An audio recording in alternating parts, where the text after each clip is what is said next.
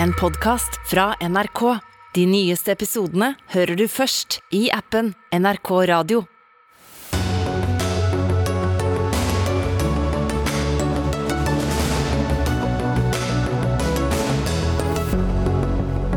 Blå Kors frykter en stille normalisering av rusmidler pga. rusreformdebatten. Hvor har de det fra, spør Venstre. Nå er det vår tur. Nei, nå er det vår tur. I dag kom tallene som setter tonen for vårens lønnsoppgjør. Men hvem sin tur er det egentlig til å få litt mer å rutte med? Vi fikk femdagersuke, åttetimersdag og fødselspermisjon. Den nye velferdsreformen er hjemmekontoret, mener psykolog. Hjemmekontor kan ha noe for seg, men noen velferdsreform er det ikke, svarer sjeføkonom. Og artisten Tix har gitt ut ny låt. Den presenterer selvmord som en vei ut av kjærlighetssorg, kritiserer Mental Helse. Hva er det som skjer, spør programleder Morten Hegseth, som forsvarer Tix. Det er noen av sakene vi skal ha om i denne ukas siste Dagsnytt 18 i studio, Sigrid Solund. Ja, det er blåst nytt liv i kampen om rusreformen. Reformforslaget fra den forrige regjeringa innebar avkriminalisering av små mengder narkotika, men ble nedstemt i Stortinget. Nå vil Oslo-byrådet innføre mest mulig av reformen uten å spørre regjeringa om lov. Og på Stortinget hadde fem partier høring om rusreformen denne uka. Et av høringssvarene til dette forslaget har fått særlig oppmerksomhet, skriver Vårt Land, og det kom fra dere, Anita Ellefsen. Du er divisjonsdirektør for behandling i Blå Kors. Og dere frykter at rusreformen har fått negative konsekvenser uten engang å ha blitt innført. Hvordan da? Ja, nå har vi vel ikke akkurat formulert oss sånn, men vi frykter at uh, siden rusreformen ble nedstemt i Stortinget våren 2021, så har det oppstått et vakuum i ettertid. Uh, den uh, rusreformen hadde svært viktige budskap i seg i forhold til det å og i forhold til tunge rusmisbrukere. Flytte fokus til Eh, fra straff til hjelp. Eh, og Vi mener at det, er et vakuum det er viktig å tette. Eh, og Kjerkol og Støre-regjeringa har lova en reform. Og vi er opptatt av at det haster å få på plass en rusreform. Men hva er det som skjer i det vakuumet da? Det som, skjedde, som har skjedd i det vakuumet, er at Eh, det var for første en veldig en hard debatt, en, en, en, en krevende debatt å, å, være i. Eh, og en debatt som, som, som eh, jo løfta fokuset på tunge rusmisbrukere og betydningen av å gi disse hjelp og ikke straff.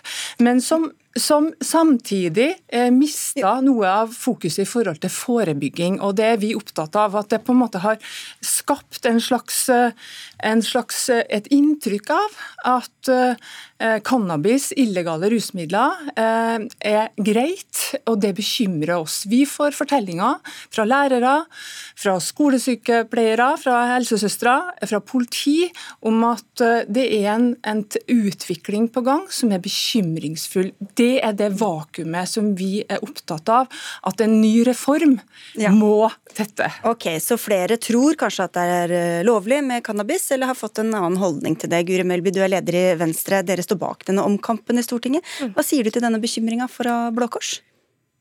Altså, et av våre mantra i denne eh, debatten om rusreform, som jeg er enig i har vært heftig og til dels også veldig sånn følelsesladd, det er jo at vi må basere oss på fakta og på hva vi vet.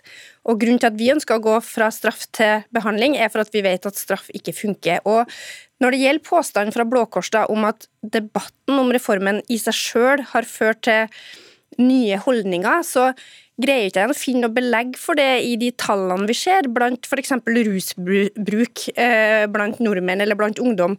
Eh, vi fikk jo nye tall nettopp fra FHI som faktisk viser at cannabisbruken har gått litt ned. Eh, men jo, men De viser, også, de viser siste... også, at mange ungdommer ikke vet hvilke reaksjoner de kan få ved f.eks. å bruke cannabis. Ja, men det er jeg jo ganske sikker på at Hvis du hadde spurt om fem år, de heller, for, for, fem år siden så hadde de heller ikke visst det. det. Vi har ikke noen fakta som tyder på at debatten har gjort at forvirringa har blitt større. og Faktisk var det sånn at cannabisbruken i Norge økte ganske kraftig fra 2009 til 2014. Da hadde vi ingen debatt om en avkriminalisering av rusmidler. Så spørsmålet er hva som er årsakssammenhengen her. Det er i hvert fall ikke noe empiri i den som belegger den påstanden fra Blå Kors? Ja, da må jeg få lov til å si det at jeg har ikke noe behov for, og vi har ikke noe behov for å legge, eh, altså beskylde en debatt for en endring. Det er vakuumet fra at en eh, rusreform eh, blir nedstemt, til at vi får, og ingenting skjer etterpå. Det er det som bekymrer oss. Det, men, det, men, det, er bare bygget på en følelse, eller har dere noe tall eller noe annet altså, som belegger det? For det første så, så, jobber jeg jo i rusfeltet. Jeg, jeg jobber, Vi behandler 3000 eh, mennesker. Eh, årlig i vår virksomhet. Vi har også et, et tung innenfor forebygging. Vi driver skoler, vi driver barnehager, vi er tungt inn på gatearbeid. Altså, vi har mange kontakter. De fortellingene som blir gitt meg, handler om at det er en endring i, i, forhold til barn og unge. Og så har jeg lyst til å si, akkurat som programlederen er inne på, at de tallene fra Folkehelseinstituttet viser jo altså De viser flere ting, men den viser framfor alt at kunnskapsnivået blant barn og unge er bekymringsfullt. og Det viser en slags forvirring om hva som faktisk er lovgrunnlaget okay. i forhold til illegale rusmidler. Ja, og Det synes jeg er et interessant spørsmål, men da er det jo verdt å spørre seg hva er det som vil bidra til at kunnskapsgrunnlaget blant ungdom øker? Er det det at det fortsatt skal være noe litt sånn stigmatisert og skummelt som vi ikke vil snakke om, som de er kanskje redd for at hvis de spør om hjelp, så vil de bli straffa? Eller er det faktisk å avkriminalisere, det å avmystifisere det, det å gjøre det til noe som de kan? da Spør helsesykepleieren om, hvis de utvikler noen utfordringer, at de kan spørre foreldrene sine uten å være redd for at det er noen konsekvenser der som de ikke kan håndtere. Men er ikke altså, du noe jeg... bekymra for de ungdommene som ikke er inne i dette eh, fra før av, men som kanskje blir litt nysgjerrig av å høre om alt dette om avkriminalisering av narkotika? Så nå jeg tror Dagsnytt 18 er et ganske populært program, men jeg er veldig usikker på hvor mange 15-16-17-åringer som sitter og følger med og får sine holdninger veldig påvirka av det. Altså, Tror, det er ikke noen tvil om at, får jo med seg at det er en debatt i samfunnet. Det er ikke noen tvil om at Samfunnsdebatten om rusbruk har endra seg. Den har endra seg fordi at vi har fått mer kunnskap og mer forskning. Og det at vi får kunnskap som da f.eks. For forteller oss at straff skader, det at det skal på en måte påvirke, det mener jeg jo er bra. da, At det faktisk flytter holdningene i en viss retning. Så så Jeg forstår egentlig ikke helt hvor Blåkors vil, for at høringsuttalelsen er ganske tydelig mener jeg, på å stemple denne debatten som farlig. Og så syns jeg at dere trekker dere litt her nå i debatten. Det er okay. bra, hvis det er riktig. men, og, jeg blir, og jeg blir litt overraska over at Guri Melby, i den posisjonen du har, på en måte eh, gjør meg til og Blåkors til en, en, noen som, en, som stå, altså har en, en, agenda her i så måte. Vi er opptatt av å få en rusreform som eh, gjør at livene til tunge rusmidler rusmisbrukere blir bedre, men vi er også opptatt av at det må gå an til å tenke to tanker i hodet samtidig, her, nemlig å ha et fokus på forebygging også. Vi har lagt fram et høringssvar som peker på en, hva en rusreform skal inneholde. Den skal inneholde eh, vesentlig kapasitetsutbygging innenfor behandling, særlig på kommunalt nivå en eh, tung, eh, tungt løft i forhold til kompetanse. Vi mener at et viktig problem i dag er at forståelsen av hva rus og avhengighet er, er ganske dårlig. Eh, både innenfor politiet, i Nav og innenfor skoleverket. Altså, Vi har pekt på hva en rusreform må inneholde.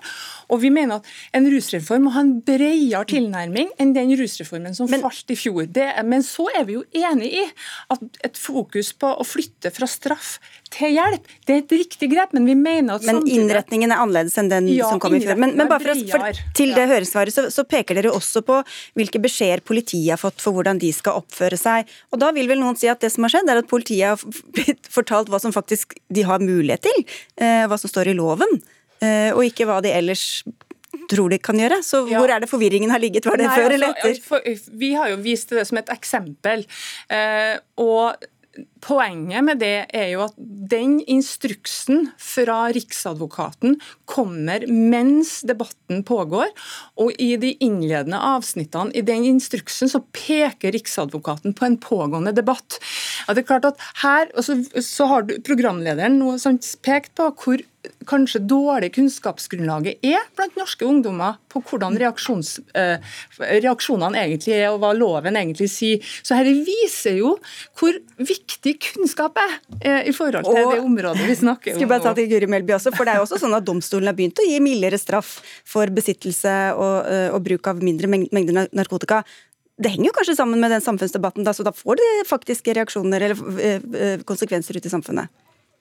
Det er klart at den debatten vi har hatt de siste fem til ti årene, der vi har fått stadig mer forskning fra land som har avkriminalisert, stadig mer kunnskap om hva slags effekter det faktisk har Jeg syns det er veldig bra at det påvirker både folks holdninger og også jo, Men da kan du ikke si at debatten ikke påvirker noen ting av hvordan ting skjer ute? altså Påstanden som jeg oppfatta kom fra Blå Kors, var at det her er en normalisering av rusbruk blant ungdom som de er bekymra for. Den påstanden er jeg imot.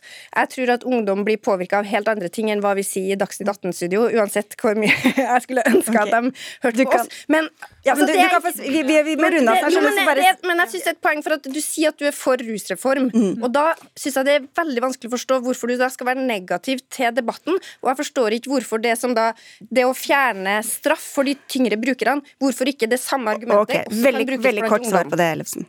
Altså, poenget vårt er jo at eh, når det gjelder det som har med straff og hjelp, så mener vi at det er viktig at det gjøres et arbeid sånn at vi kan eh, ha en differensiering i forhold til tunge rusmisbrukere. Du vil straffe ungdom, da? Eh, du vil straffe ungdom? Jeg mener at det, det å ha eh, reaksjoner, eh, juridiske reaksjoner i verktøykassa i forhold til barn og ungdom, ja, det tenker vi kan være klokt. Ok, Vi avslutter der. Dette er en pågående debatt som vi kommer til å ha flere ganger. Takk skal dere ha begge to. Anita Ellefsen fra Blå Kors og Guri Melby, leder i Venstre.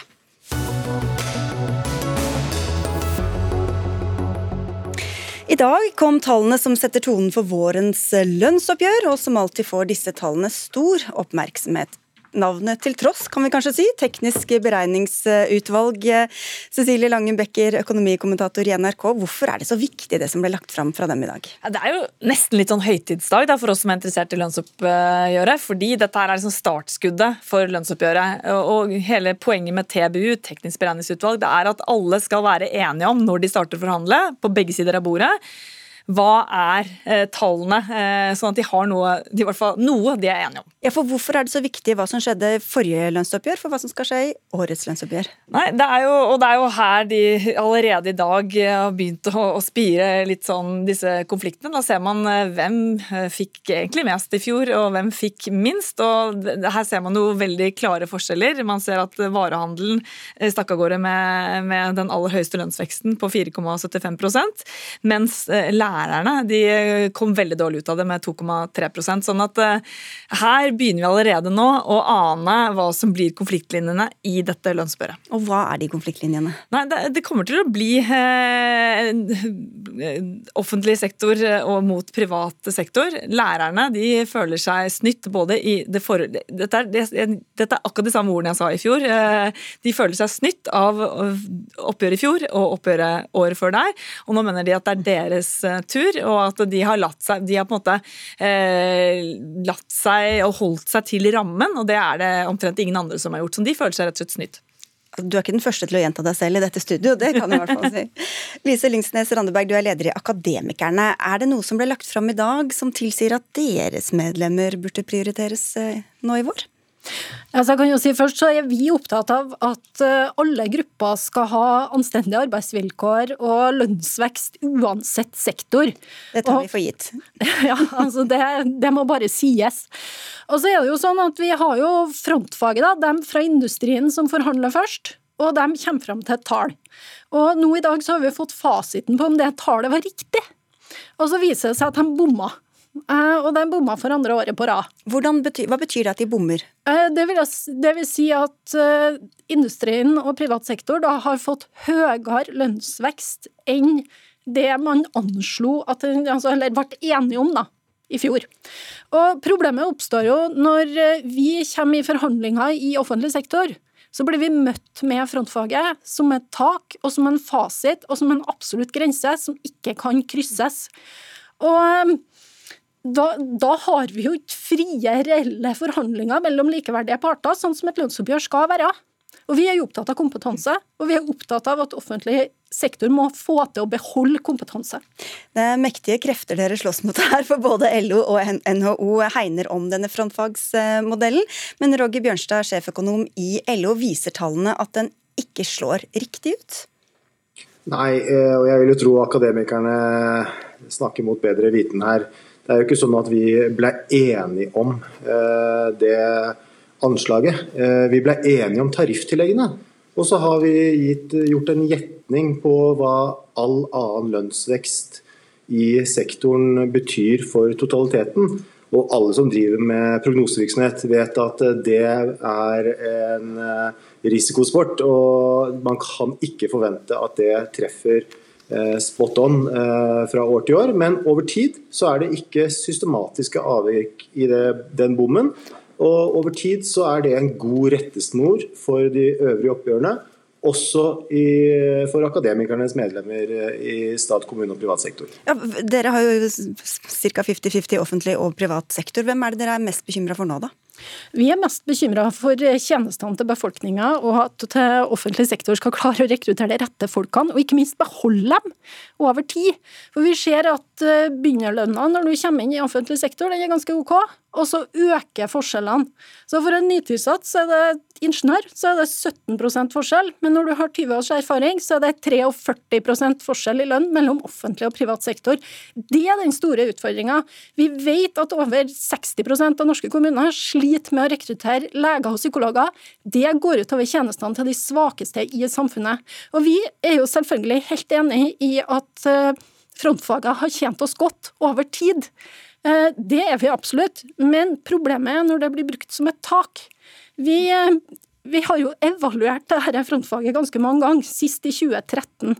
Og da ble det sagt at og eh, i offentlig sektor er det viktig at lønnsoppgjørene bidrar til gode tjenester og høy produktivitet, og at det skal være fleksibel nok lønnsdannelse til at man har en effektiv allokering av arbeidskraft, som det står, og gi rom for nødvendige strukturelle endringer.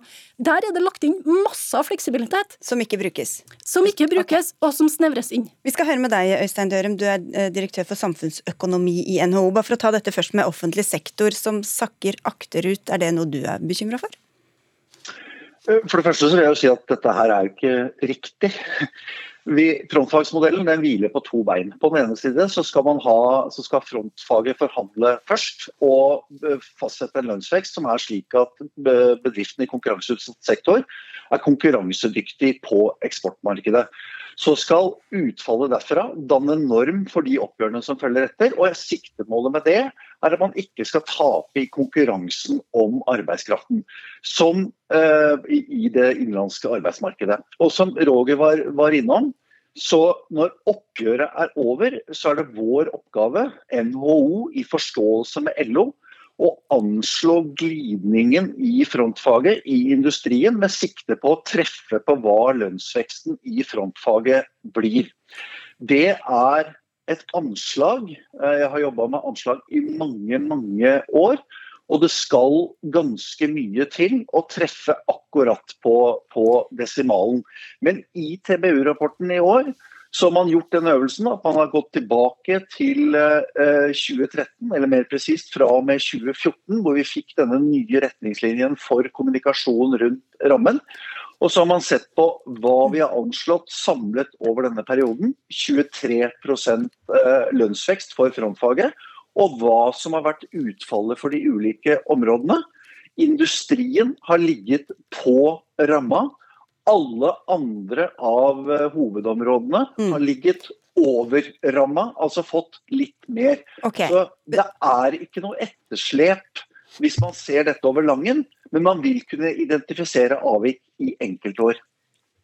Jeg er mest opptatt av forskjellene mellom ulike grupper i privat sektor og offentlig sektor. Hvis du sammenligner, du må sammenligne epler og epler.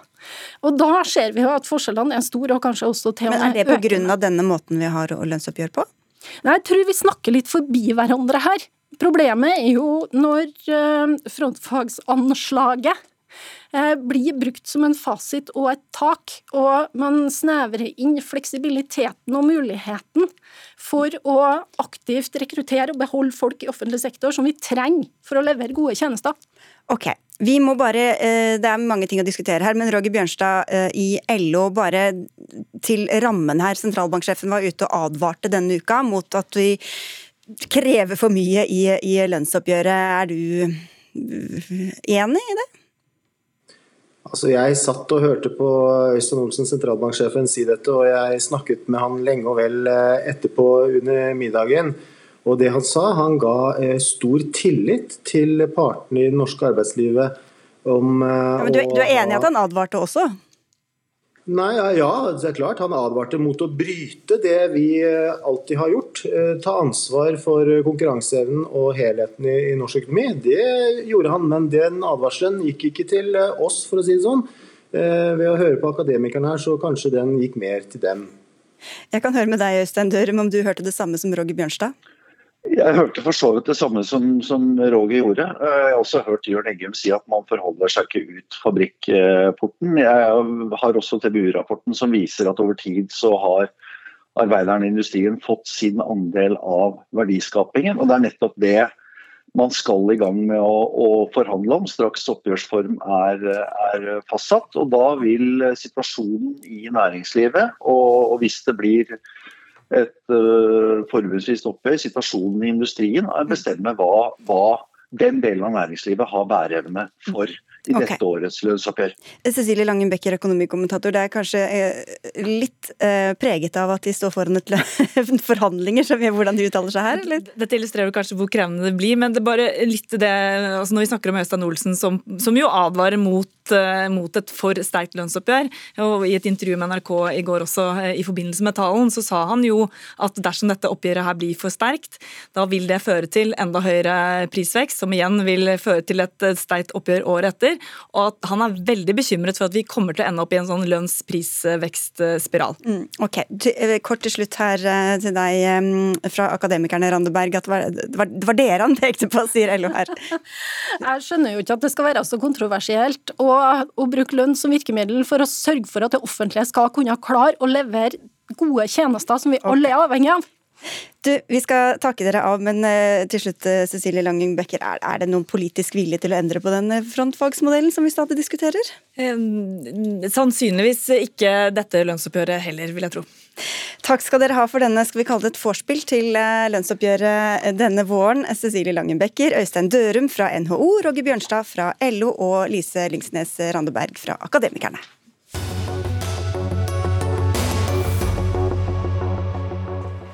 Tar en kule for deg, baby, tømmer hele magasinet. Det synger artisten Tix i sin nye låt. Tix er jo kjent for russelåter og siden en seier i norske Melodi Grand Prix, blant annet. Men den nye sangen Hvis jeg forlot verden har fått mange til å reagere. Fordi den lett kan tolkes som en trussel om selvmord overfor en ekskjæreste. Vi skal høre et lite klipp.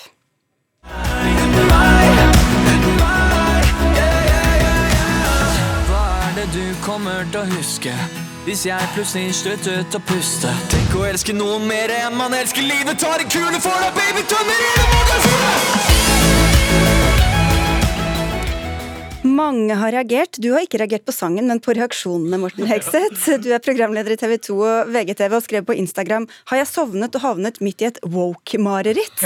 Hva mener du? Nei, Jeg bare jeg våkna og tenkte sånn, er det virkelig kommet til et tidspunkt der vi skal diskutere om dette er greit eller ikke å formidle i tekst? Altså, Jeg vokste opp med å høre på Nirvana, Bikini Kill. Eh, jeg elsker Lana Del Rey som synger eh, altså Hun synger 'Hit Me So Hard It Felt Like a Kiss', og det er jo veldig kritisk kritisk da, overfor liksom, feministbevegelsen. og jeg tenker sånn, Vi må ikke liksom komme til et tidspunkt der vi begynner å sensurere artisters mulighet til å formidle følelser som ikke nødvendigvis er hverdagslige. og Folk snakker om liksom, dette kan ikke Mental Helse har sagt sånn eh, Tix er et forbilde for mental helse, da kan han ikke si dette.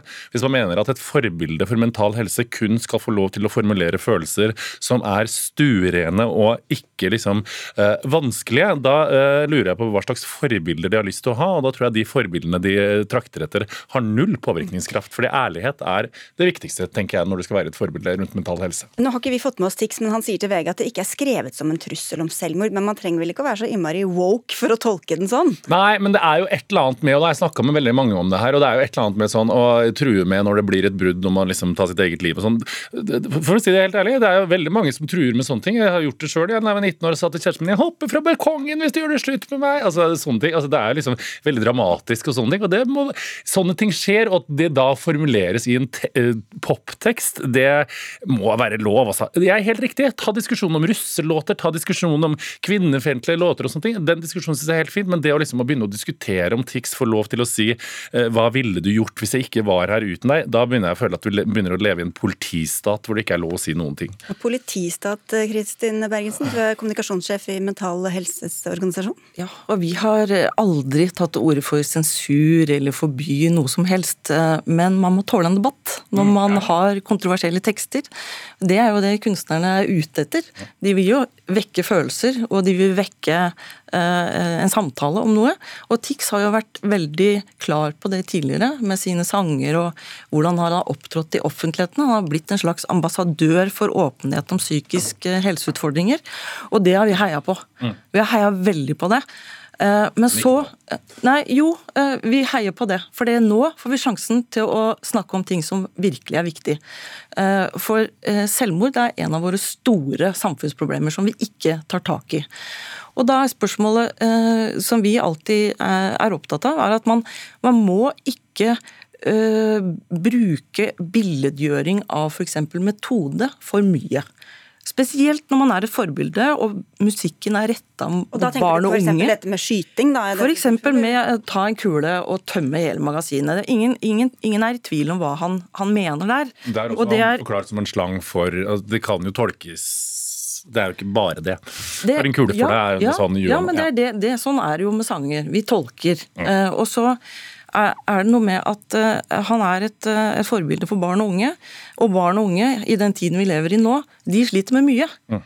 Det er mye dårlig psykisk helse der ute etter en pandemi, og da må vi ta tak i den type problemstillinger, framfor at vi skal, skal nå sitte og, og Hvis du tenker på publikum, Hegseth, så er han har jo ganske ungt publikum. Ja, altså det er det jo. Det er det dummeste du gjør tydeligvis i Norge i dag, og i verden generelt, det er å bli et forbilde, for da får du ikke lov til noen ting. Men hvis man tror at en hel generasjon med unge nordmenn nå kommer til å true ekskjærestene sine med å ta sitt eget liv pga. denne låta her, så tror jeg at man overvurderer Tix og undervurderer ungdommer, fordi så stor påvirkningskraft har ikke en poptekst kunst. Og så er det noe med det at liksom, la kunsten være fri. altså Norske medier, lærebøker, politiet altså, har, altså, Politikere har masse ansvar, men hvis liksom, en popartist skal begynne å få ansvar i tilfelle han påvirker noen til å gjøre noe dumt fordi den ene verselinja kan virkelig trigge ned, da begynner jeg altså, å tenke at sånn, såpass stort ansvar må vi ikke legge på en popstjerne. Og så er det også det at um, Men Hvorfor Bergesen på det? Altså, eh, han, han, har jo selv tatt på seg denne rollen. Ja, og seg, han har tatt på seg ansvaret for å, å snakke om, om om psykisk helse. Og det er veldig bra. Så han, han, han, har en lavere terskel for å gjøre ting enn det andre har, da? eller? Men poenget er at han må være seg sitt ansvar bevisst og være varsom når man snakker bl.a. om metode. Si, er et sånn typisk tegn på cancel culture og woke-kulturen som vi lever i i dag. For Hvis du har et engasjement rundt noen ting, så hvis du da gjør noen ting feil, så er du på en måte ikke lenger regna som en representant for det. Er du feminist i dag, men har gjort noe som ikke kan tolkes til feministisk bevegelse for ti år siden, da blir du cancelled. Altså, du må ikke være en perfekt representant for nei, vi, mental nei, helse for å kunne snakke om det. Det har vi aldri sagt heller. Det er nei. ikke det vi sier. Men det er jo det du sier, men, at han kan ikke lage denne låta fordi han har vært en representant for det. Jeg har ikke sagt at han ikke kan lage denne låta, men man må tåle å debattere det. Og vi må debattere det som ligger under denne sangen. Nettopp at det er Men er det ikke bedre å rette inn tiltak, det å sørge for at ungdommer eh, Det å liksom opprette altså Sende folk i terapi, det er dere helt sikkert enige bevilge at... penger i stedet for å diskutere men, men, men du, Bergersen, Hegseth nevnte noen eksempler i stad, jeg fant på noen sjøl også. 'Every Step You Take' fra The Police handler jo om stalking. Vi har Dolly Partons 'The Bridge', handler om en gravid kvinne som eh, tar, eh, begår selvmord. Where the Wild Roses Grow av Nick Cave. Der dreper han eh, kjæresten sin. Hvor skal, er, hvor skal vi legge den lista? Jeg, jeg, sier ikke at vi skal sensurere, eller uh, vi skal tåle selvfølgelig dette. Men vi må tåle også å ta debatten om det. Og, og når da uh, vi vet at uh, i snitt så er det ni menn som tar livet av seg i uka i Norge Men tror du flere gjør det pga. en Tix-låt? Ikke akkurat en Tix-låt, da. Men i sammenhengen hvis man da f.eks. står i en kjærlighetssorg Selvmord er ofte impulsivt. Uh, og jeg sier ikke at den sangen vil føre til at noen tar livet av seg, men hvis man setter det i en sammenheng, det kan være et element. Mm. Hvis du står i en kjærlighetssorg, er i økonomisk trøbbel, uh, har mista uh, bestevennen din, så kan det hende at man går til det skrittet. Og vi har ingen flere å miste. Vi mm. vil heller jobbe med å forebygge flere Men helt ærlig, tror du at en Tix-låt sender noen Nei, men Kan det være litt romantiserende i en sånn eh, Hvis du allerede er utsatt, og så hører du den, og så Nei, men jeg synes jo, altså, Det er jo noe med teksten er liksom Diskusjonen er fin. og det skal være På, på samme måte som at Tix ikke skal sensureres, så skal vi ikke sensurere liksom, kritikken mot han, og vi skal få mulighet til å eh, diskutere det. Men jeg tror jo også det at hvis du leser teksten og tok ut den verste verselinja fra det her, som eh, handler om da, at han kulefor Men gener den generelle teksten er jo ikke så veldig triggende. Og hvis han hadde da beskrevet sånn Dette gjør jeg, jeg skal ta livet mitt fordi det er det eneste riktige, så hadde det vært en diskusjon. Men det er en sånn flørting med tanken her, da. Det er en utvei på kjærlighetssorg, da. At det å ta livet av seg, har det tusen popartister gjort før. Ja, men Hegseth, bare for å ta en veldig mye eldre referanse, da. Da Goethe skrev om unge verters lidelse Ja. i 1774, skal det ha påvirket en rekke unge menn Ja, til enten prøve Julie eller ta, ta livet sitt. Nei, men det, det fikk jo konsekvenser. da. Tror du ikke at folk i dag kan være også påvirket? Nei, men altså Diskusjonen om liksom, omtale av selvmord det har jo vært, vært kjempelenge. og Norske medier har begynt å omtale selvmord eh, nå i, eh, litt oftere enn var før. og Det har jo vært en diskusjon om både smitteeffekt, påvirkningskraft, og det er en kjempeviktig diskusjon. og Vi husker jo alle med liksom, eh, når Kurt Cobain gikk bort og Nirvana, og det var den grunge-bevegelsen og ting som skjedde. og sånn. Jeg er ikke i tvil om at smitteeffekt kan ha, at selvmord kan ha en smitteeffekt, men jeg tror ikke at vi må begynne å sensurere popartisters er sangtekster. fordi det tror jeg ikke er veien for å her. forbedre mental helse blant unge folk i Norge. Ikke sensur, men debatten ville dere ha. vi vil ha debatten, og vi vil ha debatten om psykisk helse. Vi vil ha debatten om hvorfor det er så mange selvmord i Norge. Det er en viktig debatt å ta. Ja. Og det er, dette kan være en start på det. Ja, Da- jeg tror det er viktigere enn sangtekster i Norge. Stanser vi der. Takk skal dere ha begge to, Morten Hegseth og Kristin Bergersen fra Mental Helse.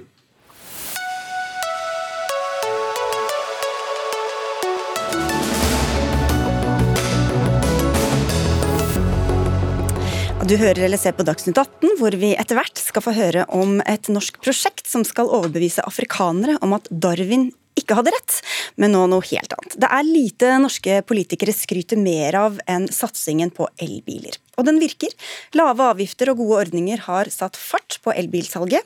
Det har ført til at mange færre kjøper bensin- og dieselbiler, men fører det også til at færre kjører kollektivtrafikk? Det er du bekymra for gjennom Aftenpostens spalter, Bernt Reitan Jensen. Du er administrerende direktør for kollektivselskapet Ruter.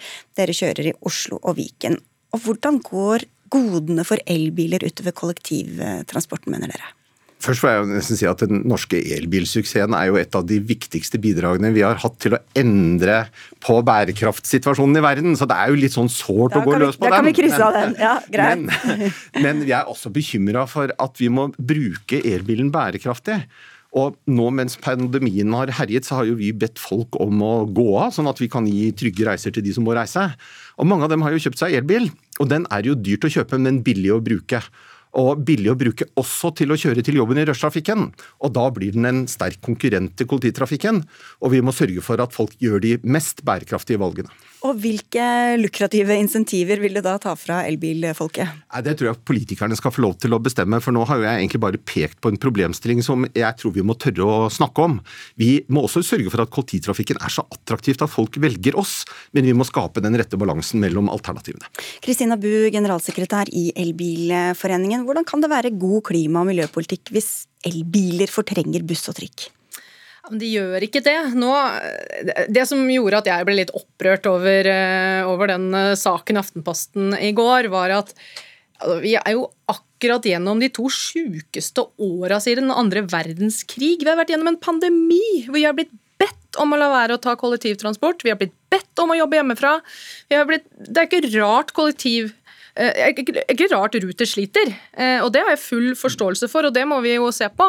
Men det er en grunn til det, og det er at vi har blitt bedt om å ikke kjøre kollektivt. Det var, det var først på lørdag vi kunne kaste munnbindene. Jo, men vi er vi- fortsatt hvis ikke tilbake til en normal situasjon. Sånn Men spørsmålet om vi er kommer tilbake dit, da, hvis folk er blitt vant til det liksom, det norske behagelige ved å kjøre bil. Det er ikke elbilene som er problemet, eh, eller elbilpolitikken. Eh, Det er at nå er vi plutselig over i en annen virkelighet. Vi er nok ikke tilbake til normalsituasjonen engang, men nå plutselig så har jo arbeidsgivere forstått at eh, det går an å tilby å ha hjemmekontor. Så la oss si at eh, 1,5 prosent da, av eh, Eller 1,5 dag i uka så er folk på hjemmekontor. Det er klart at da, da går jo kollektivtransporten ned med 30% da. Jensen. Ja, det er, det er, ikke fullt så ille. Eh, for det, halvparten kan jo ikke være på hjemmekontor, for de må jo være på en fysisk jobb. Men, eh, og vi skal gjøre hva, hva, vi kan for å få de tilbake. Og, sånn at vi, når vi kan, så må vi reise sammen. Og når vi må, så må vi reise alene. Og må vi reise alene, så er jo elbilen et fantastisk alternativ. Så for oss er det egentlig bare å sørge for at konkurransen blir fair. Og eh, vi er litt bekymra nå, for mange som har kjøpt elbil sier at det er så attraktivt og det er så fint å kjøre elbil til jobben, men når veiene blir fulle, så er vi i grunnen like langt. Og Da syns jeg vi skal være i forkant av den problemstillingen istedenfor å vente på at det skjer. Nå vil ikke du peke på godene her, men det er jo sånn at det er mye billigere å kjøre elbil. Du kan kjøre kollektivtrafikk, eh, kollektivfeltet mange steder. Men det er jo sånn at bilene tar jo opp plass på veiene, de fører til lokal eh, støv og forurensning. Hvorfor skal man ikke heller liksom, fjerne noen av de godene for å styrke kollektivtrafikken? La det være helt klart. Eh, Elbilforeningen vi er, ikke, vi er, ikke, for at det skal fylle opp byen med biler. Heller ikke elbiler. Men det som er utrolig viktig, er at vi har en elbilpolitikk som sikrer at vi får byttet ut de fossile bilene med biler som kan gå på fornybart drivstoff. Det er et utrolig viktig eh, klimagrep. I Oslo så er fortsatt over 70 av personbilene bensin- og dieselbiler. Vi er langt igjen før vi er i mål. Og vi vet at elbilpolitikken bidrar til at vi raskere når det målet. Men husk på at Oslo-politikerne de har et mål om at i 2030, altså om åtte år, så skal alle biler i Oslo være nullutslipp. Det klarer de ikke å nå uten en god elbilpolitikk, dessverre. Men så er det selvfølgelig sånn at vi må også få til veldig god kollektivtransport. Men jeg tror litt av problemet her er og det, det som eh, også kom fram på kontoret, Vi er tilbake på kontoret de siste dagene, og mange av mine alle mine kollegaer, vi er ca. 50 ansatte i Elbilforeningen, de kjører ikke bil. Vi, vi har kontor i sentrum. De, ingen kjører bil til jobb. De tar kollektiv, eh, og de sykler. Men mange av de har nå to dager hjemme i uka, og de sier at det lønner seg ikke for meg med månedskort. Ja, fordi det kan er jo et vi få et mer kan fleksibelt system som ja. tilpasser den nye hverdagen vår? Hva kan, dere, hva kan, dere, gjøre, Jensen, i stedet for å peke på elbilene? ja, det tror jeg er alltid et godt spørsmål. Hva kan vi gjøre sjøl? Så dette handler jo hovedsakelig om det. Altså, og nå er vi jo i gang med å teste et nytt fleksibelt billettprodukt. Problemet er at uh, Eh, når folk reiser mindre, så blir det mindre inntekter. Og det, de mindre inntektene må ikke ende opp med å gi oss et dårligere tilbud, for det er det aller aller viktigste for kundene våre. Så det å klare å skape et fleksibelt billettprodukt som gjør at alle som reiser litt mindre, faktisk også opplever at de betaler litt mindre, samtidig som om inntektene ikke går ned, det er det vi må altså, løse. Altså de som kjører mer, betaler Nei, hvordan blir det? altså, ja, det, er, ja, det vi tester ut nå, er at ja. dess mer du kjører, dess større rabatt får du. Og dermed så opplever du at du får et billigere produkt. Og så må vi sørge for at vi opprettholder inntektsnivå, hvis ikke så blir tilbudet dårligere. Men dette gjelder jo ikke bare Oslo, det gjelder jo alle store byer i eh, Norge. Kristina Bu, det er jo spørsmålet da om det ene fortrenger det andre. Og i en rapport fra Transportøkonomisk institutt så står det at selv om økt elbilandel er en viktig, viktig bidragsyter til å redusere klimagassutslipp fra veitrafikken, så vil trolig økt elbilandel bidra til flere biler på veiene og færre som reiser kollektivt. Trolig.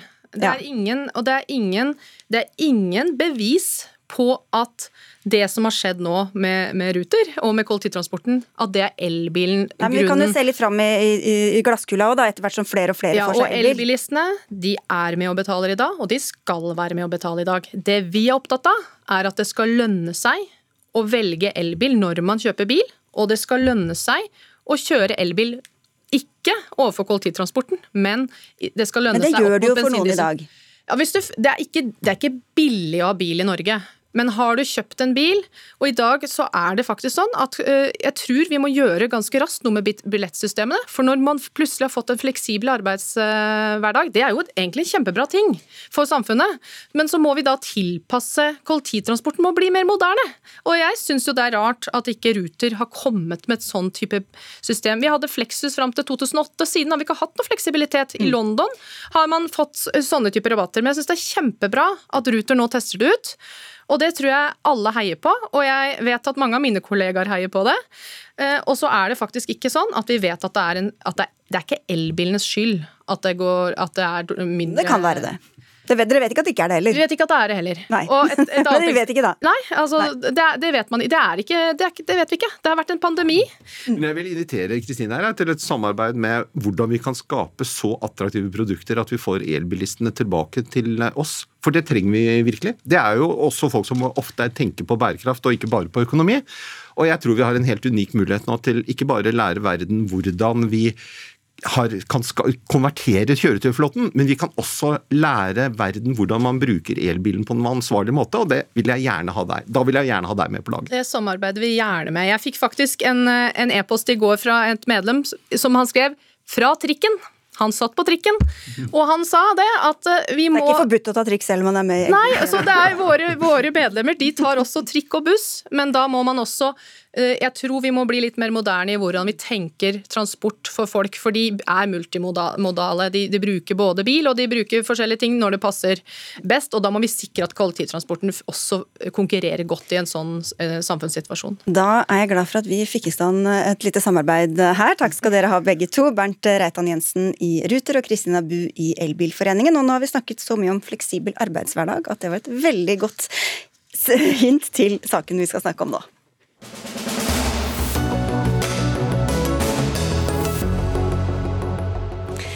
For munnbind og meteren er kastet på båten, men hva blir framtida for hjemmekontor?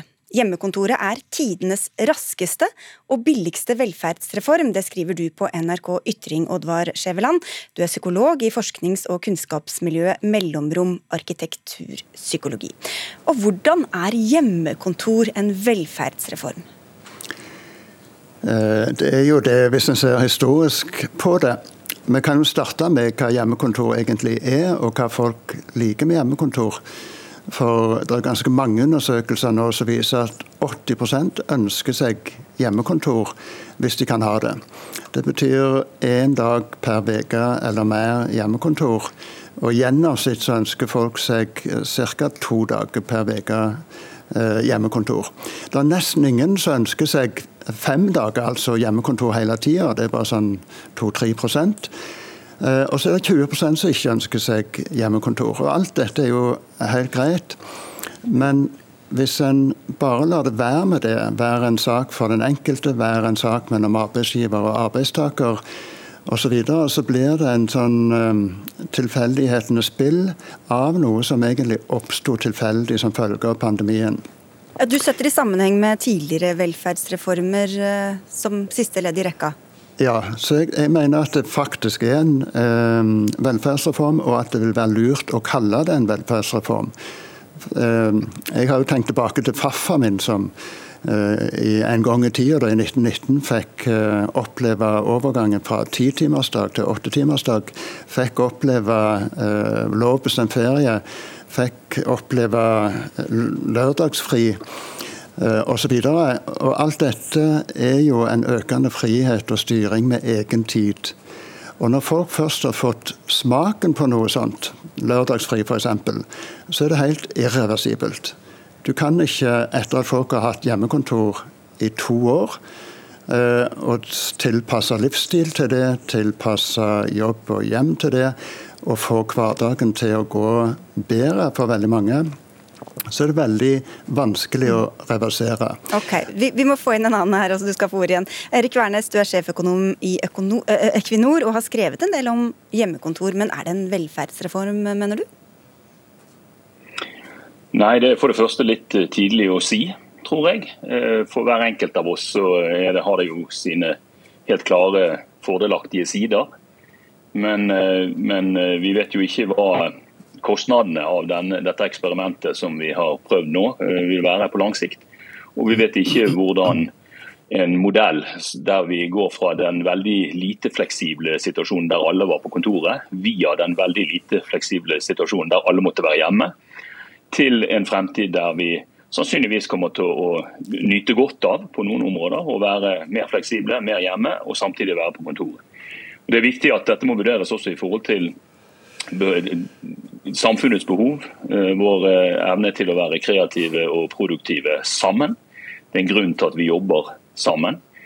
Eh, og Det som er fleksibelt for den enkelte, er jo ikke nødvendigvis den beste løsningen for det kollektivet man er en del av når man jobber. Så I vårt tilfelle og i mange bedrifters tilfelle nå, så er man jo opptatt av å få oss tilbake på kontoret, møtes igjen. Vi har mange hundre ansatte som ikke har møtt sine kollegaer i løpet av de to siste årene de, de, vi har vært hjemme. Og, og, så vil vi finne en modell der vi har mye mer fleksibilitet, men da også må ta hensyn til hvordan vi som organisasjon best kan løse Eh, våre felles utfordringer og levere så godt som mulig. Eh, og Der vi tar hensyn til den enkeltes behov, men også til eh, organisasjonens behov. Ok, Ikke noen velferdsreform, altså, Skjæveland? Jo, ved å kalle det for en velferdsreform, så kan du ha en mye mer aktiv holdning enn det som her blir lagt for dagen. Det er, jeg syns ikke at arbeidsgivere skal bare veie for og imot og se det an og se om det endrer seg den, i den andre retningen igjen. Jeg syns at dette er et åpenbart gode. Det er dokumentert gang på gang gjennom mange forskjellige undersøkelser nasjonalt og internasjonalt at det er gode for produktivitet. At det er gode enda mer for trivsel. At det til og med fremmer kvinners karriere, tro det eller. En ny undersøkelse fra World Economic eh, Forum med, med en god del eh, økonomieksperter som har uttalt seg systematisk i USA og Europa, så hvis arbeidsgiver i stedet for å ha denne eh, avventende holdningen, til og med til dels negative holdning til bruk av hjemmekontor, så kan en være offensiv og planlegge dette sånn at produktivitet både på basekontoret, som en kan kalle det, altså på det vanlige kontoret, og på hjemmekontoret, Okay. At produktivitet kan bli bedre begge steder, og at trivsel kan bli bedre begge steder. Men Værnes, Er du redd for at vi kanskje blir litt sånn frista til å være på hjemmekontor, selv om det kanskje ikke er så bra for oss på lang sikt? Ja, det, Jeg vil ikke utelukke det, men det, det, viktigste som jeg er opptatt av, er at, at det, det, er en grunn til at vi jobber i organisasjoner. Eh, og noen ting gjør vi samtidig. Eh, noen ting gjør vi sekvensielt, og, og, og da kan vi jobbe litt for oss sjøl og litt sammen med andre. Eh, vi sitter ikke bare og jobber med våre egne ting, verken når vi er hjemme eller når vi er på kontoret. Eh, og Det vi selvfølgelig skal legge til rette for, og som jeg tror alle arbeidsgivere nå er opptatt av, er jo hvordan vi kan få dette til i den nye modellen. Og Da må vi se på de gamle kontorene våre. Hva må vi gjøre med de? Må vi bygge de om? Og Da må vi gjerne spørre sånn som Skjæveland om hvordan vi skal gjøre det. Eh, det er heller ikke gratis. Eh, hva gjør vi med et hjemmekontor som blir permanent? Eh, og som ikke er en nødløsning. Det var mange av oss som ikke har hjemmekontor som er egnet til å, å jobbe veldig lenge. Mange av våre unge for eksempel, bor på relativt små hybler. og Skal de få arbeidsforhold som gjør det mulig og ta ut den velferdsmessige fleksibiliteten. Ja. Eh, så er det noen kostnader involvert. Sammen så kommer vi helt sikkert til å få dette til, men okay. det, er ikke, det, er ikke, gjort over natt. Skjæveland til dette, Det er jo ikke alle som kan jobbe hjemmefra. så Hvis det er en velferdsreform, så er det jo en del som ikke får nyte godt av den. Men du tror at det kanskje kan få ringvirkninger også for dem? Ja da, og vi, kan ikke være så problemorientert som, eh, som, da, som Værnes er nå. For eh, vi må løse det. det den samme innvendingen, innvendingen kom jo mot lørdagsfri i sin tid. At det var mange som ikke kunne ha det. Men når noen går foran, i dette tilfellet kontoristene, så kan det jo hende at det får smitteeffekt f.eks. i retning av en gammel sak for fagforeningene, nemlig sekstimersdagen. Og egentlig er òg hjemmekontoret en variant av sekstimersdagen. Så i stedet for å liste opp alle mulige problem, så eh, se på det som det det er, de facto en velferdsreform. Og så er det veldig mange gode praktiske løsninger på mange av de tingene som du lister opp. Og vi snakker jo bare om en dag eller to per uke. Um, og det har en, en god del samfunnsmessige positive konsekvenser. Jeg skal ikke si til Ruter at uh, redusert uh, kollektivtransport er en fordel, men, men kanskje det er redusert uh, elbiltransport. det er redusert arealbruk, det er redusert nedbygging av natur. en god del sånne fordeler som vil oppstå. Jeg vet ikke om tanken på sekstimersdag gjorde deg mer velvillig innstilt til å kalle dette en velferdsreform, Erik Wærnes? Eh, nei, både òg. Men, eh, men, jeg tror det, det, viktigste, det, viktigste, her er jo at grunnlaget for de tidligere reformene har jo også vært at man har sett at produktiviteten har vokst høyt nok til at vi tar ut da, de gevinstene også i velferd for hver enkelt ansatt. Eh, det gjaldt, det gjaldt både, både, både, lørdagsfri og, og åttetimersdagen. Og hvis det viser seg at vi får de ikke de individuelle produktivitetsfordelene, men de kollektive produktivitetsfordelene ved en moderne, ny, fleksibel måte å jobbe på, så kan vi jo ta, ut, vi jo ta det ut som, som en ordentlig velferdsreform. Men, men jeg tror det, det gjenstår å se. Vi vet ikke effektene av at sånne ekstroverte som meg har vært på hjemmekontor i to år. Og Vi gleder oss veldig til å møtes igjen på kontoret, men med, da med en annen fleksibilitet enn det vi trodde vi hadde. Men, men, det er jo ikke sånn at det gjenstår å se hvis dere, Equinor f.eks., styrer dette inn mot at det blir en økt produktivitet på hjemmekontor og på basekontor. Og Det er fullt mulig. Det er så mange data nå fra verden rundt som viser at produktivitet kan øke på hjemmekontor. Og trivsel øker helt sikkert. Og det kan ha en del andre positive effekter, f.eks. fremme kvinners karriere, som en ennå ikke har sett konturene av. Takk skal du ha, psykolog og, og det, gjør, ja, skal... det, kan jeg love deg at det gjør vi. det gjør vi. ja, har dere en plan, Værnes? Ja da, det har vi. Vi har en plan. og det, det, som er litt spesielt for oss kanskje i forhold til en del andre bedrifter, men som mange andre har, er jo at vi, vi har også masse lokaliseringer. Sant? Vi har folk som jobber sammen allerede og har jobbet digitalt veldig lenge. Noen i Rio, og noen i Stavanger og noen i Oslo. Eh, så, så, dette handler jo ikke bare om, om eh, ett kontor og de ansatte på det kontorets hverdag. Så dette må vi få til, men vi må også tenke på hvordan, hvilken arbeidshverdag skal vi, hvilke vaner er det vi har lagt oss til de siste to årene som vi nå ikke kan gjøre når vi skal ha noen hjemme og noen på kontoret. Vi kan for, sannsynligvis ikke sitte i Teams-møter hele dagen når vi har 60% av våre ansatte på, i et kontorlandskap og 40 sittende i et kontor et eller annet sted i verden. Og så har vi hyttekontor vi må, vi må som det ser ut som du er med på. De som følger oss på TV, verden ser ut som du Ja, da er jeg så heldig at jeg har gode venner som, som har gjort det mulig for meg å være til stede, til stede på en hytte. Takk skal du ha, Erik, Eirik Wærnes fra Equinor og Oddvar Skjæveland, psykolog.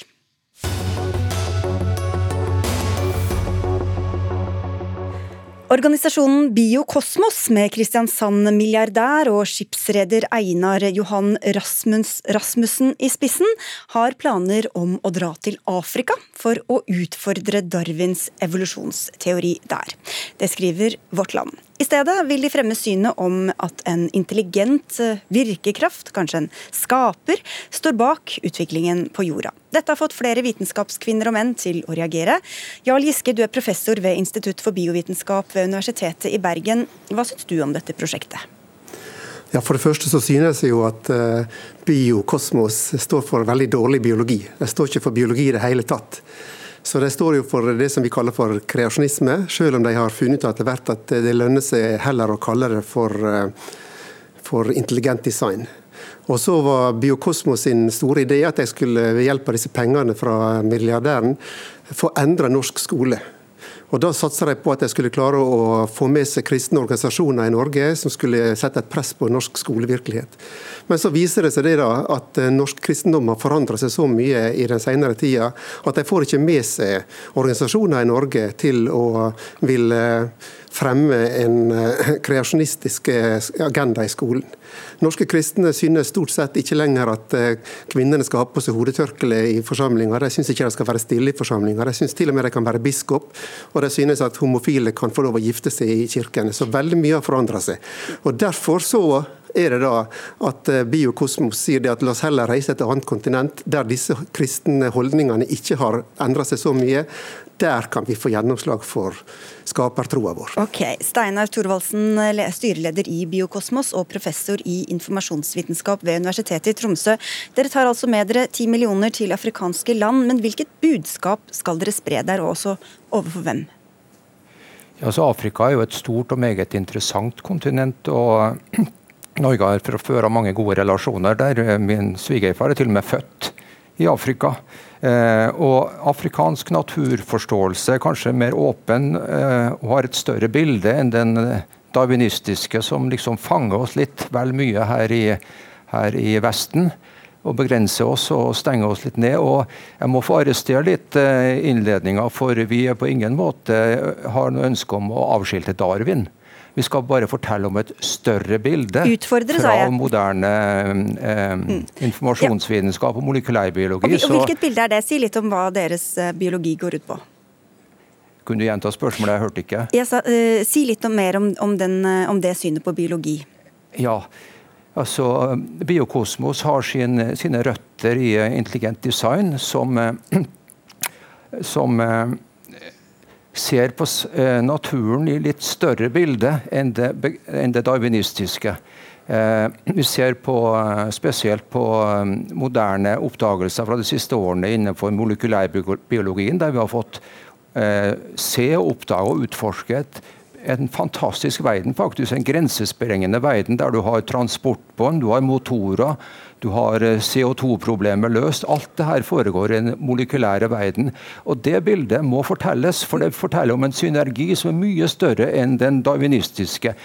Darwin kan gjøre en del av jobben her, mm. men det må et mye større bilde til. For det er selve sluttsynergien i de her systemene som er dette, poenget. Dette var litt eh, kryptisk for sikkert en del, en del av oss. Men hvor kommer religionen, eller synet på dette med intelligent design inn, da? Hvor det kommer fra. Eller hvor det kommer inn. Hva, hva er det dere tror? Vi tror på vitenskapen og de vitenskapelige metodene og empiriske metoder. og Det er på ingen måte slik at vi eh, jukser her.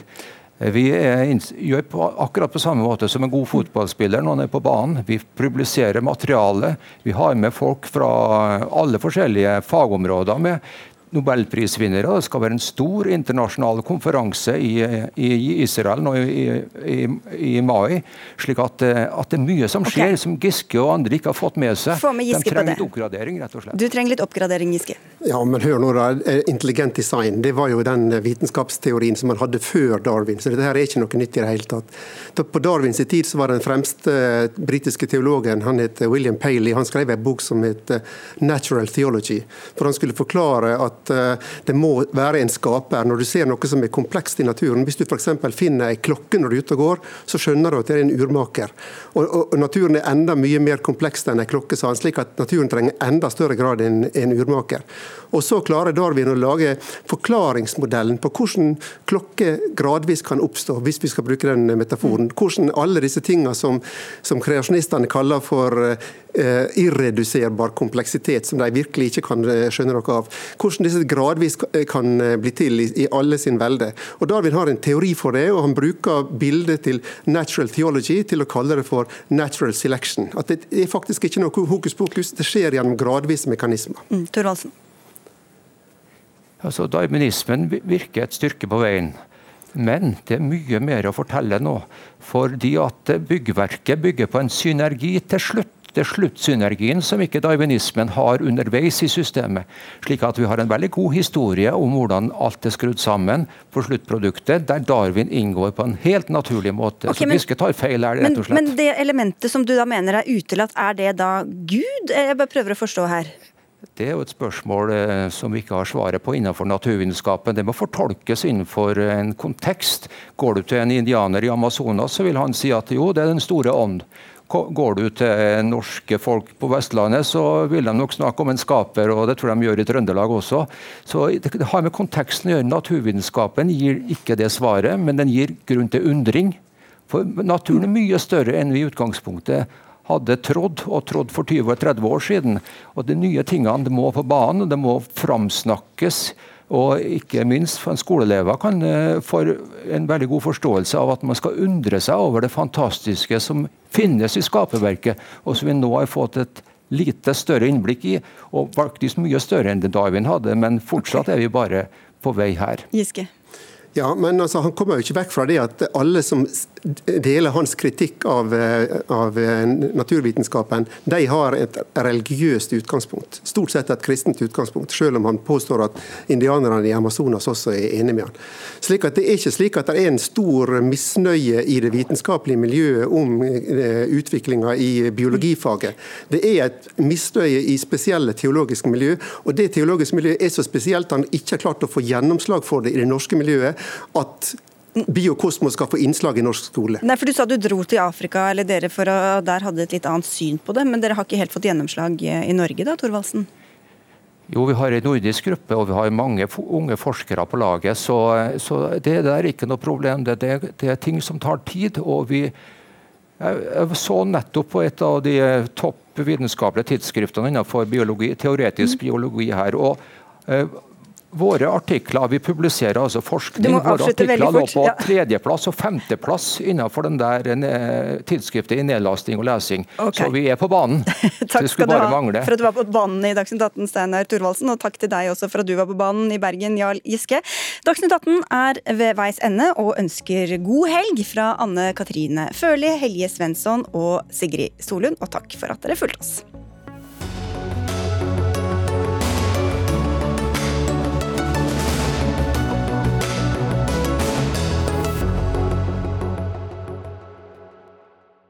Du har hørt en podkast fra NRK. De nyeste episodene hører du først i appen NRK Radio.